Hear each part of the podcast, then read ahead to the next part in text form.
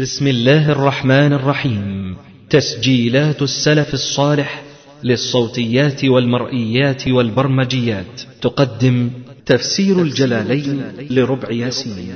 تفسير سورة الزمر. الشريط الثالث إن الحمد لله نحمده ونستعينه ونستغفره ونعوذ بالله من شرور أنفسنا ومن سيئات أعمالنا. من يهده الله فهو المهتد ومن يضلل فلا هادي له. وأشهد أن لا إله إلا الله وحده لا شريك له. وأشهد أن محمدا عبده ورسوله. اللهم صل على محمد النبي وأزواجه أمهات المؤمنين وذريته وأهل بيته كما صليت على آل إبراهيم إنك حميد مجيد. أما بعد فقد انتهينا في تفسير سورة الزمر إلى قول الله تبارك وتعالى إنا أنزلنا عليك الكتاب للناس بالحق فمن اهتدى فلنفسه ومن ضل فإنما يضل عليها ومن ضل فإنما يضل عليها وما أنت عليهم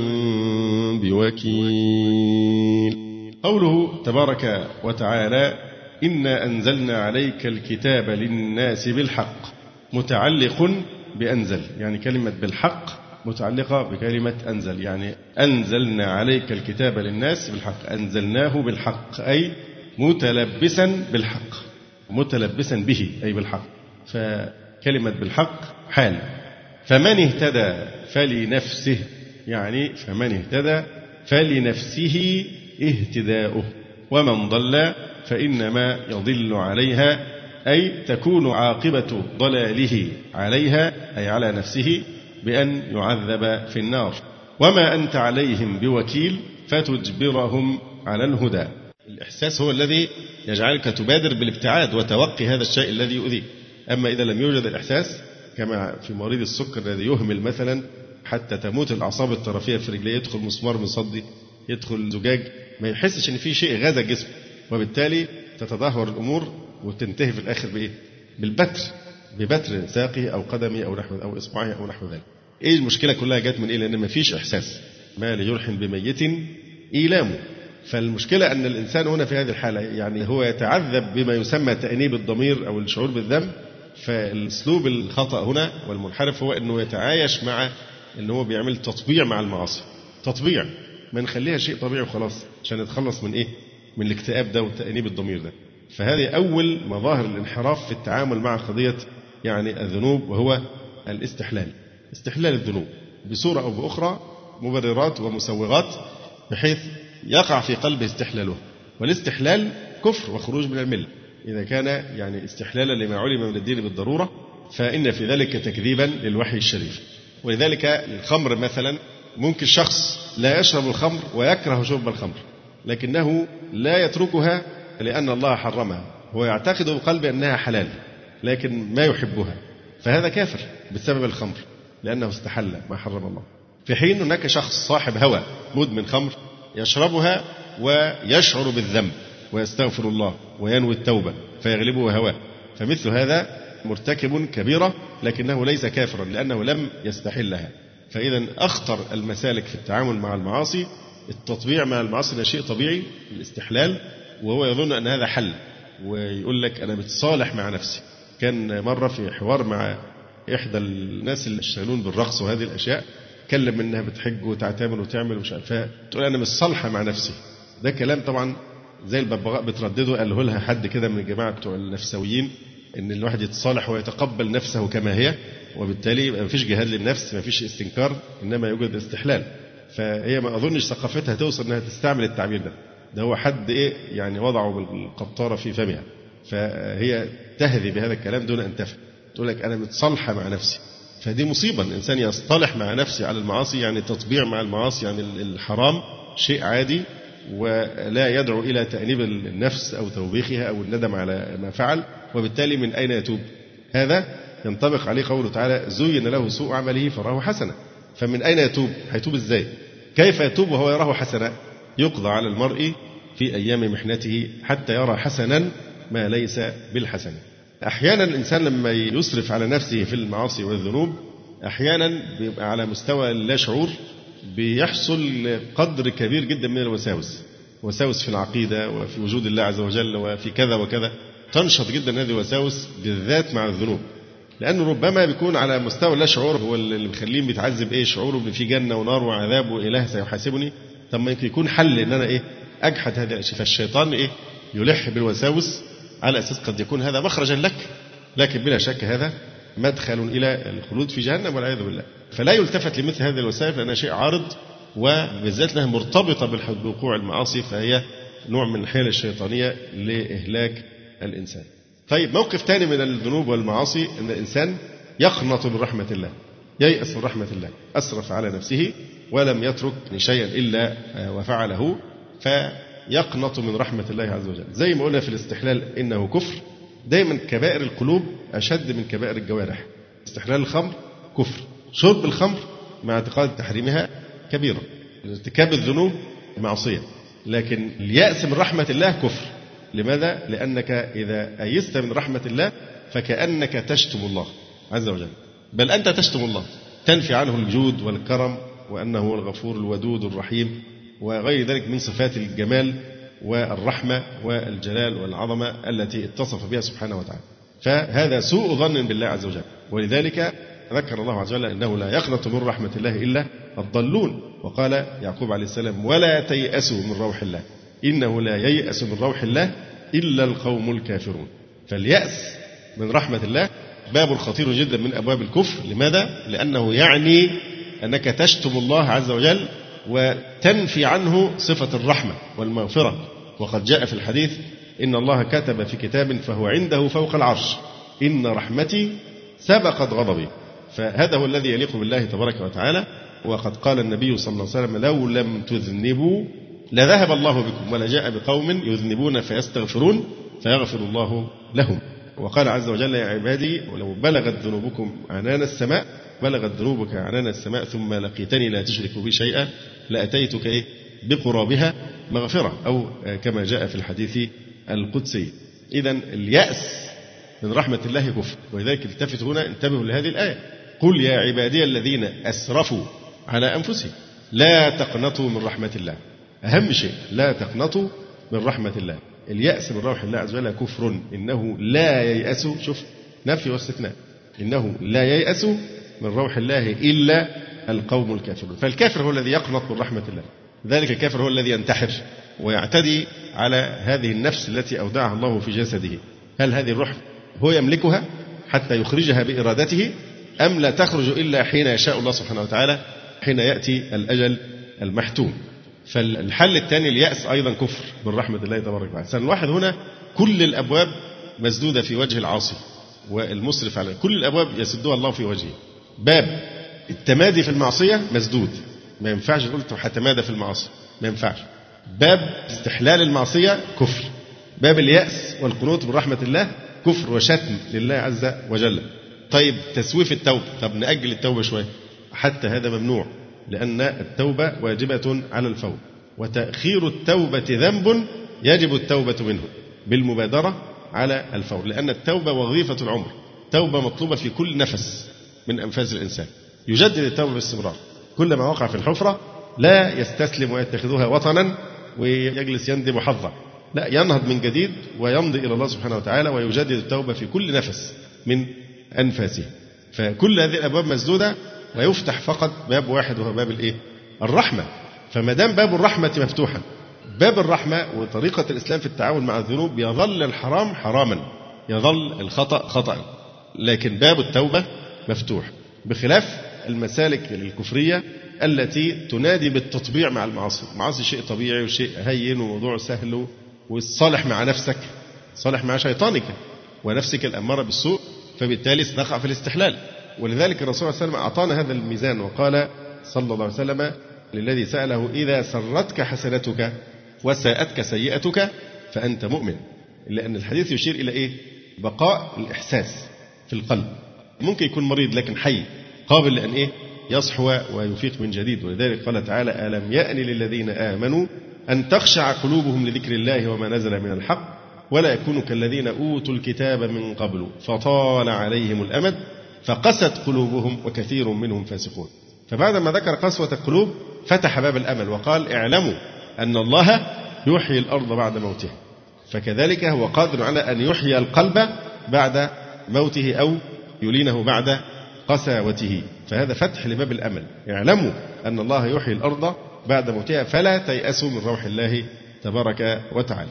لكن في الحقيقة نقطة الشعور بالذنب كما قلت هذه من رحمة الله بالعبد المؤمن أنه يتألم إذا وقع في الذنب أنها أهم شيء فيها أنها تدل على وجود الحياة في داخل قلبه. فحذاري من أن تنصت لمن يزين لك أنك تقضي على هذا الشعور. وتعمل تطبيع مع المعاصي ومع الشيطان وتتصالح مع نفسك الأمارة بالسوء أو تتصالح مع عدوك إبليس. فهذه كله فلسفة كاذبة وزخرف القول الذي يصدون به الناس عن الحق. فكما ذكرنا وجود الألم إحساس بالذنب توبيخ النفس لارتكابها الأخطاء هذه علامة صحة.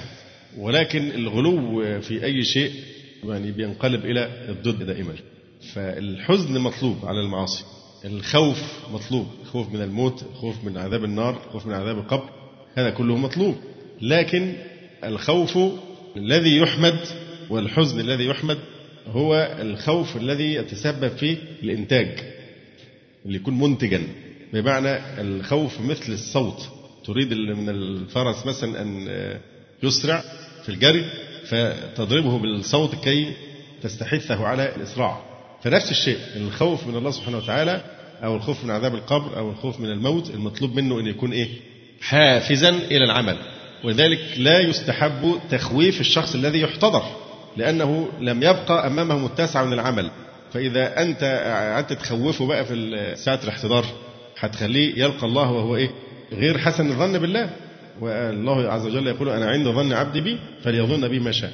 فإحنا لأن ما فيش فرصة للعمل فأصبح الخوف عند الاحتضار غير مطلوب أنه يغلب عليه بل يغلب عليه جانب الرجاء. ولذلك يستحب هنا المدح بقى. كنا بنتكلم على فقه المدح. فممكن تمدح الإنسان ساعة الاحتضار بالأعمال الصالحة. كي تعينه على أن يقبل على الله وهو حسن الظن به. تقول له أنت كنت تحافظ على صلاة الجماعة أنت كنت تفعل كذا وكذا وكذا من الأمور الحسنة. كذلك بعد موته أيضا تشهد عليه بما كان يفعل من الخير وتثني عليه بذلك لما ورد من الأحاديث مثل مثلا اذكروا محاسن موتاكم. أنتم شهداء الله في الأرض. قال وجبت. فالشاهد هذه المشاعر المطلوبة بشرط أن تكون منتجة. القلق مطلوب. القلق هو نوع من الخوف. من شيء ممكن يحصل في المستقبل. فالقلق مطلوب لأن في قلق مرضي وفي قلق إيه؟ صحي. القلق الصحي اللي بيجي للطالب أيام الامتحانات. ده نموذج القلق الصحي. لأنه عشان خايف من إنه يسقط وعنده هدف من إنه ينجح إلى آخره فهذا القلق بيخليه بيعمل حالة طوارئ. الكتاب اللي هو طول السنة ما فتحوش في أيام معدودات وبلغة إنجليزية مثلا أو غير ذلك يركز وينجزه ويركز جدا ويحصل ويقلل ساعات النوم ومفيش لهو ولا لعب ولا كذا ولا كذا. ليه؟ نتيجة الخوف. فالخوف هنا أدى إلى الإنتاج فهو خوف صحي. لكن في واحد بقى يتفاعل مع مثل هذه المواقف بخوف مفرط مبالغ فيه. فذاكرته تتمسح تماما يرتعش والأعراض القلق بقى كلها تظهر عليه يفقد التركيز وكل اللي كان فاكره يتنسى تماما. ويعجز عن إن هو لا يذاكر ويعجز إنه يدخل الامتحان. هنا تفاعل مرضي ليه سميناه مرض لأنه انتقل إلى دائرة الإنتاج فشلها شله عن الإنتاج. فالخوف مطلوب ما دام مثمرا. خوف من عذاب القبر إذا كان يستحثك على العمل الصالح فهو مطلوب. الخوف من النار الخوف من الله سبحانه وتعالى. أما الخوف الذي يغلب على الإنسان حتى يذهب عقله ويظل مشدوها غير قادر على الاجتهاد في العبادة ونحو ذلك فهذا خوف مذموم. ليس هذا هو الخوف المحمود الذي جاء في الشرع الشريف. كذلك الاكتئاب أو الحزن نتيجة ارتكاب المعاصي فكما قلنا الشعور بالحزن الشعور بالألم علامة من علامات الحياة.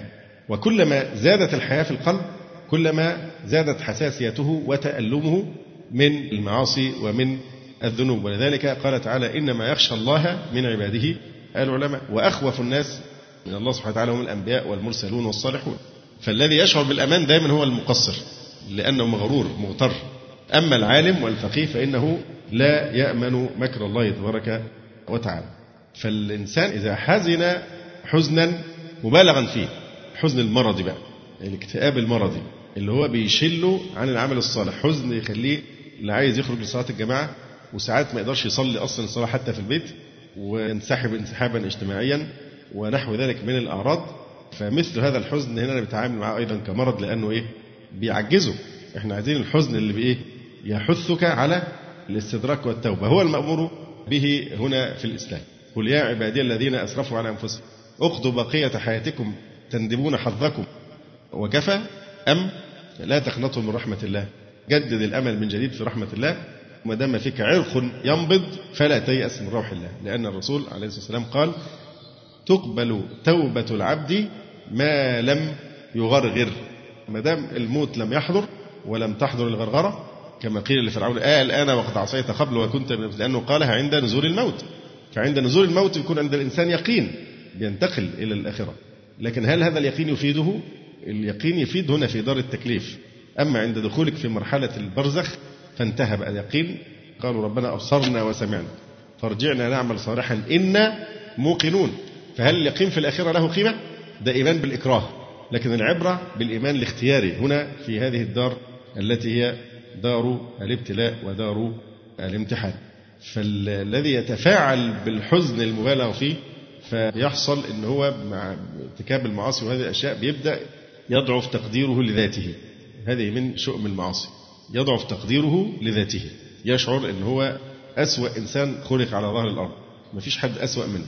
ومش مستعد يشوف في نفسه أي صفة كويسة. غلو بقى في رد الفعل. هو بيشوف ثلاث حاجات وحشة. نفسه والدنيا والمستقبل. فيرى نفسه في أسوأ ما يكون ويقول لك أنا مش نافع في حاجة وأنا فاشل وأنا إلى آخره. تعميمات ظالمة. تعميم زائد عن الحد. فبالتالي بيشل نفسه بنفسه. وبيعمل نوع من الإيه؟ الإيحاء السلبي. رغم أن عنده طاقة أن يقوم وينهض لا ده هو بيحطم نفسه أكثر ويضعف تقديره لذاته. فلا يرى في نفسه أي شيء حسن. تضطر بقى تفكره تقول طب أنت مش تشهد الشهادتين؟ مش أنت ربنا أعطاك نعمة الإسلام؟ تلفت نظره أنه يعتدل أن في دوائر أخرى في حياته مشرقة وهذه الدائرة التي فيها سواد وشيء قبيح قابلة لأن يتعامل معها كما أرشدنا الله عز وجل هنا.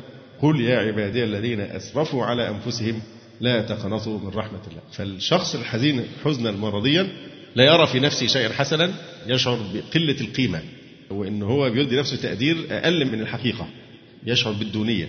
أنه أحقر إنسان في الوجود وأسوأ إنسان في الوجود وأتعس إنسان خلق الله عز وجل. ينظر للعالم أن الحياة أيضا مظلمة وسوداء. في حين كما يقول الشاعر رب نفس تلفها الظلمات وهي في عالم كثير الضياء. فالدنيا الواسعة دي كلها هو بيبقى عامل زي دودة القز لما بتحبس نفسها في الايه؟ في الشرنقة. هي اللي حبست نفسها. فلما حبست نفسها في السجن ده رأت الدنيا مظلمة وضيقة. فنفس الشيء هو يصنع نفسه وهما إن العالم كله أسود وظلام وده اللي بيخليه يفكر في الانتحار إنه يتخلص من هذه الحياة. ولله الحمد طبعا في المتدينين. الانتحار نادر جدا جدا جدا لأن هذا كفر بنعمة الله عز وجل.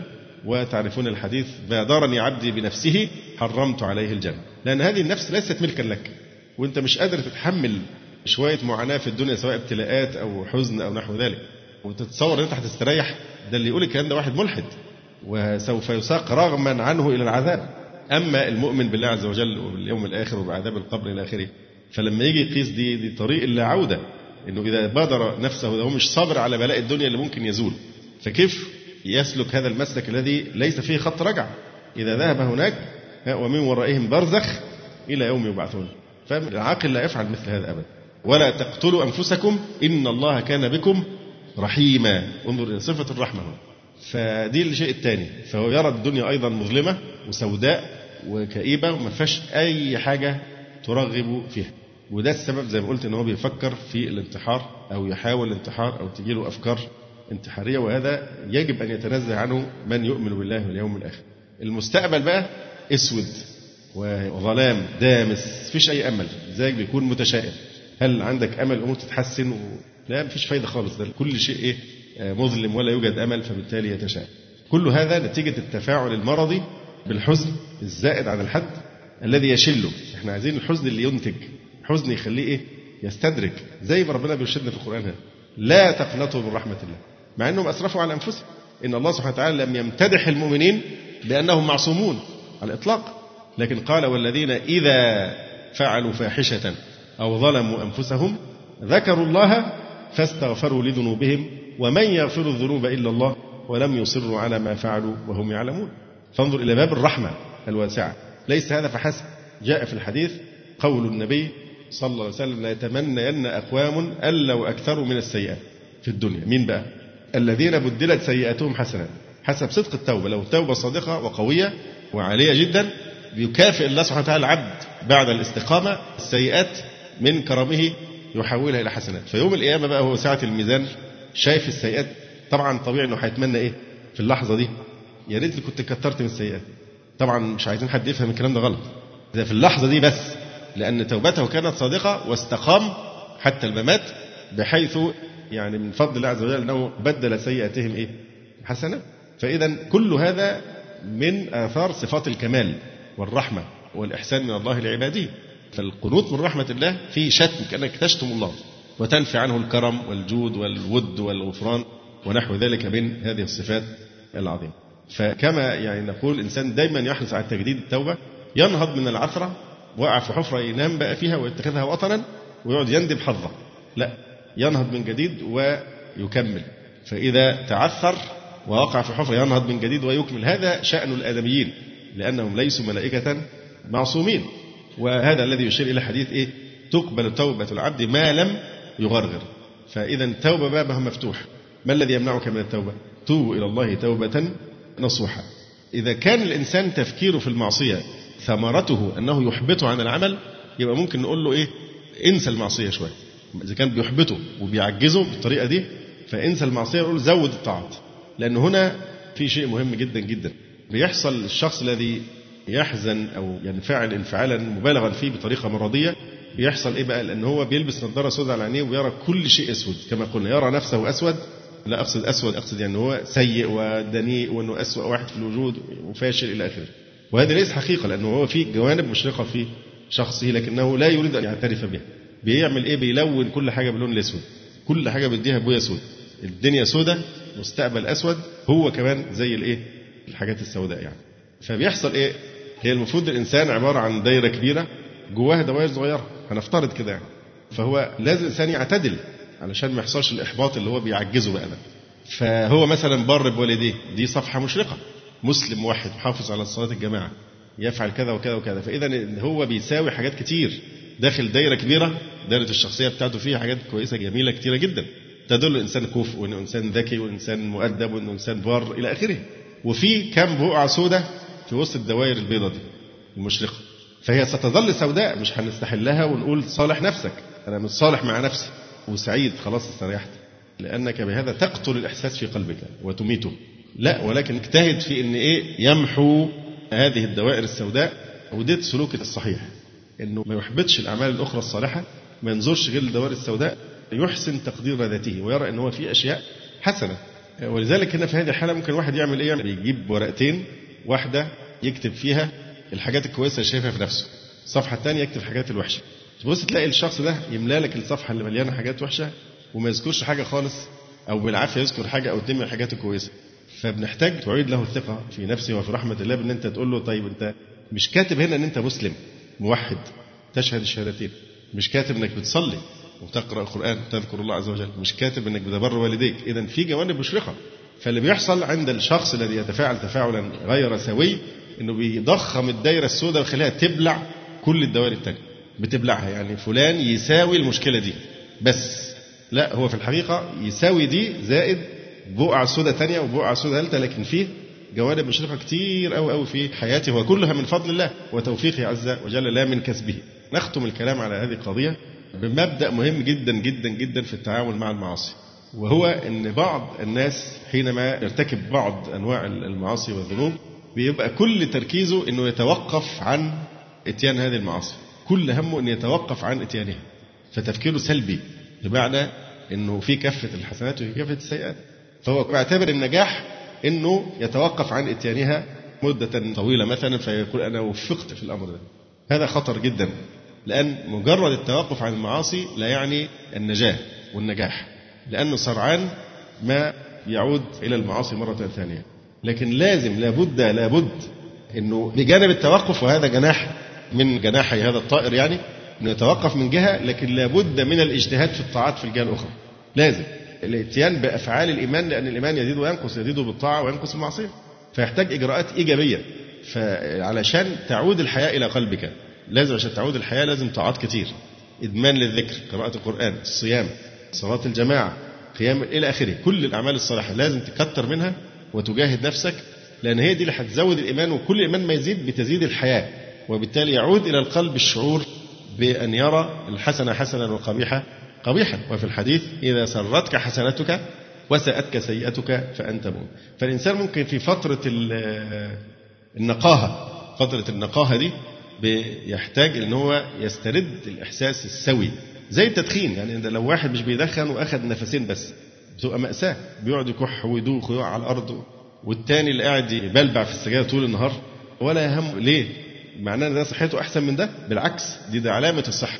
إن ده المقياس الإنسان السليم هو اللي بنعاير بيه يعني بنقيس بيه الناس. الشخص السليم، لكن اللي هو عمل تطبيع مع التدخين وأصبح عنده هو تعود يعني زي اللي بياخد مخدرات أو إدمان أو حاجة زي كده بيتعود عليها يعني بطريقة معينة بحيث إن إيه؟ المهم يعني. فمثل هذا الشخص مش هو المقياس.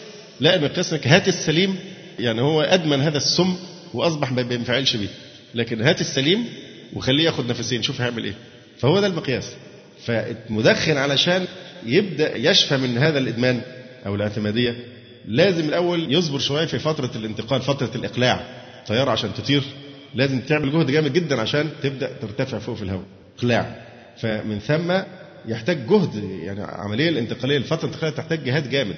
إن زي ما المعصية أصبحت عادة وتعود عليها علشان تنقل العبادة إن هي تبقى هي كمان عادة والتعود يساعدك على أدائها. كما قال بعضهم إيه؟ دافعت الشهوات حتى صارت شهوتي المدافعة. فلازم الفترة الانتقاليه يكون فيها جهد إيه؟ إقلاع بتاع الطياره الشديد. فلازم المدخن كمثال يعني إنه يتوقف فترة كي يعود اليه الإحساس السليم. وهكذا أي معصية لما بتتوقف مش بس تتوقف لازم الكفة الثانية اللي هي كفة الإزدياد من الطاعات لأن هذه هي التي تعيد إلى قلبك الشعور بالحياة. فحينئذ سوف تستقبح القبيح وتستحسن الحسن.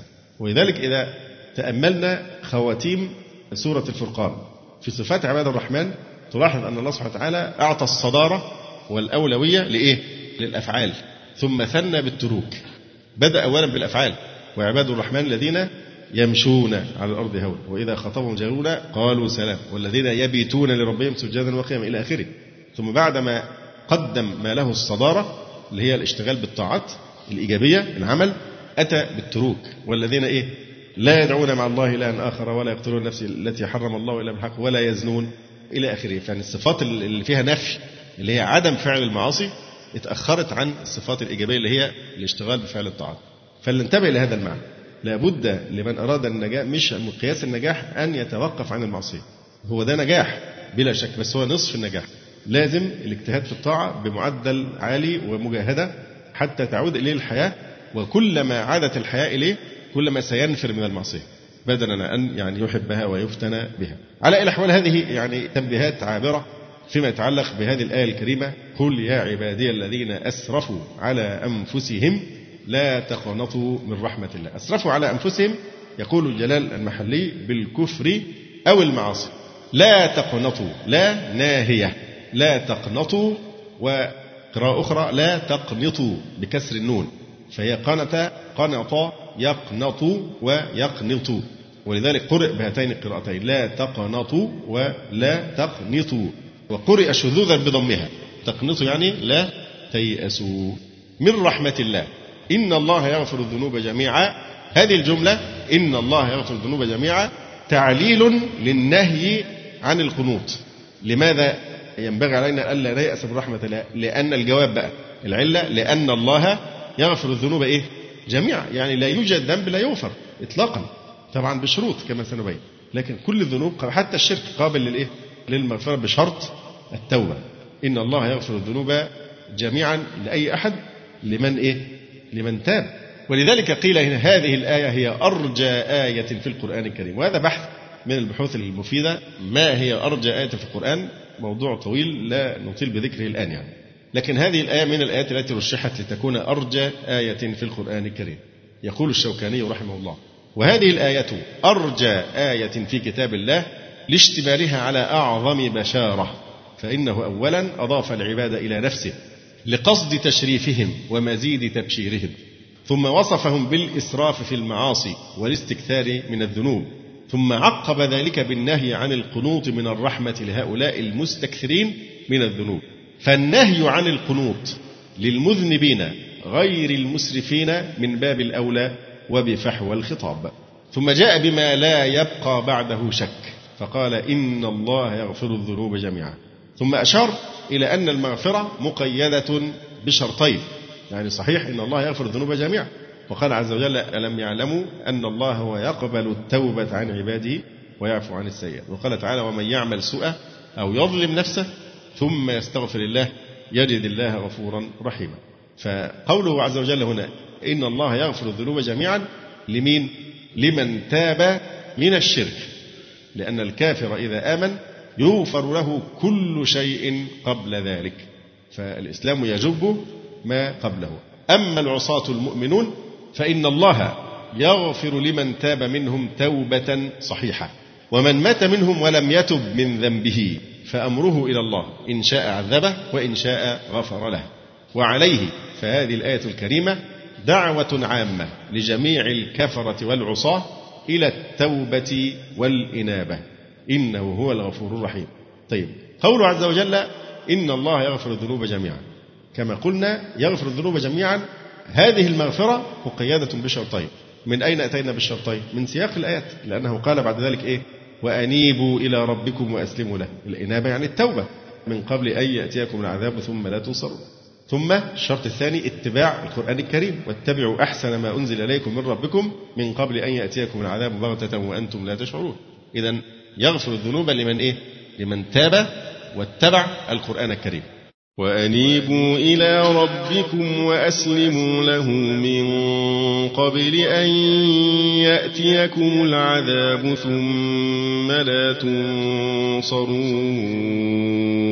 وأنيبوا ارجعوا إلى ربكم وأسلموا له يعني أخلصوا العمل له وأسلموا له أي أخلصوا العمل له من قبل أن يأتيكم العذاب ثم لا تنصرون. من يعرب العذاب؟ فاعل مؤخر. الفاعل مؤخر لأن المفعول هنا قدم من قبل أن يأتيكم. ده المفعول. العذاب يبقى فاعل مؤخر. طيب إيه إعراب أن يأتيكم العذاب؟ آه أن وما في حيزها مصدر مؤول مضاف إلى الظرف قبل. طيب ثم لا تنصرون. إعرابها إيه؟ ثم لا تنصرون. ثم لا تنصرون. طيب إيه حالة الفعل تنصرون؟ أنا بسأل بس عشان ألفت نظركم أنا عارف إنها فيها شيء من الصعوبة شوية لكن عشان ما تنسوهاش. هي لو قلنا على نسق الكلام إيه؟ أنيبوا إلى ربكم وأسلموا له من قبل أن يأتيكم العذاب ثم لا تنصرون. السياق في غير القرآن كان ممكن نقول إيه؟ من قبل أن يأتيكم العذاب ثم لا تنصروا. ثم حرف عطف وهيعطف تنصرون على الفعل من قبل أن يأتيكم العذاب ثم لا تنصروا. لكن تلاحظون هنا أنه رفع الفعل ثم لا تنصرون. هنا في قوله تعالى ثم لا تنصرون فن يسمى فن الإيضاح. فثم حرف عطف للترتيب مع التراخي. ثم لا تنصرون. فعل مضارع مرفوع. مرفوع بإيه؟ بثبوت النون. لأنه لم يعطف على يأتيكم. لو عطف على يأتيكم يبقى تنصروا. لكن لم يعطف لم يعطف على يأتيكم لأن الله سبحانه وتعالى والله أعلم أراد العدة بإخبارهم. أنه لن ينصرهم أبدا في الاستقبال. لأن المضارع هو اللي هيجيب لنا إيه؟ معنى الاستقبال. أنه لن ينصرهم أبدا في الاستقبال ما داموا مصرين على عدم الإنابة محجمين عن الإسلام. فهذا هو فن الإيضاح في البلاغ. فإذا فعل المضارع هنا مرفوع لأنه لم يعطف على يأتيكم لأن المقصود أن يعد الله سبحانه أنه لن ينصرهم أبدا في المستقبل ما داموا مصرين على عدم الإنابة. وعدم الاستجابة لقوله تعالى وأنيبوا إلى ربكم وأسلموا له وإذا أحجموا عن الإسلام. من قبل أن يأتيكم العذاب ثم لا تنصرون بمنعه عنكم إن لم تتوبوا. واتبعوا أحسن ما أنزل إليكم من ربكم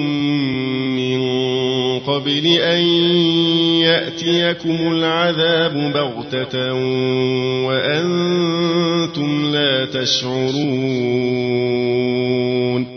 واتبعوا. هنا الواو عاطفة على وأنيبوا. وأنيبوا واتبعوا. واتبعوا أحسن ما أنزل إليكم من ربكم وهو القرآن الكريم. من قبل أن يأتيكم العذاب بغتة. حال. وأنتم لا تشعرون. الواو هنا واو إيه؟ الحال. وأنتم لا تشعرون واو حالية. طيب. أنتم لا تشعرون. أنتم دي مبتدأ ولا تشعرون إيه؟ خبر. والجملة مبتدأ والخبر حال. وأنتم لا تشعرون يعني قبل إتيانه بوقته.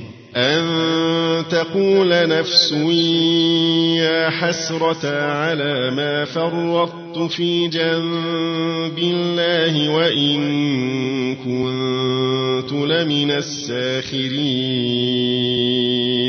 قوله تبارك وتعالى أن تقول نفس يقدر قبلها إيه؟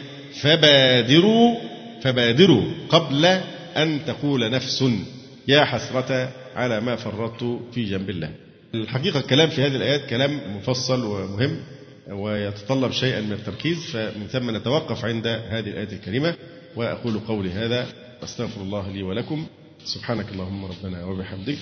أشهد أن لا إله إلا أنت أستغفرك وأتوب وفي الختام تقبلوا تحيات إخوانكم في تسجيلات السلف الصالح بالإسكندرية. هاتف رقم صفر ثلاثة فاصل أربعة تسعة أربعة سبعة ستة خمسة اثنان. وتليفون محمول صفر عشرة واحد ستة أربعة واحد تسعة ثمانية صفر. والسلام عليكم ورحمة الله وبركاته.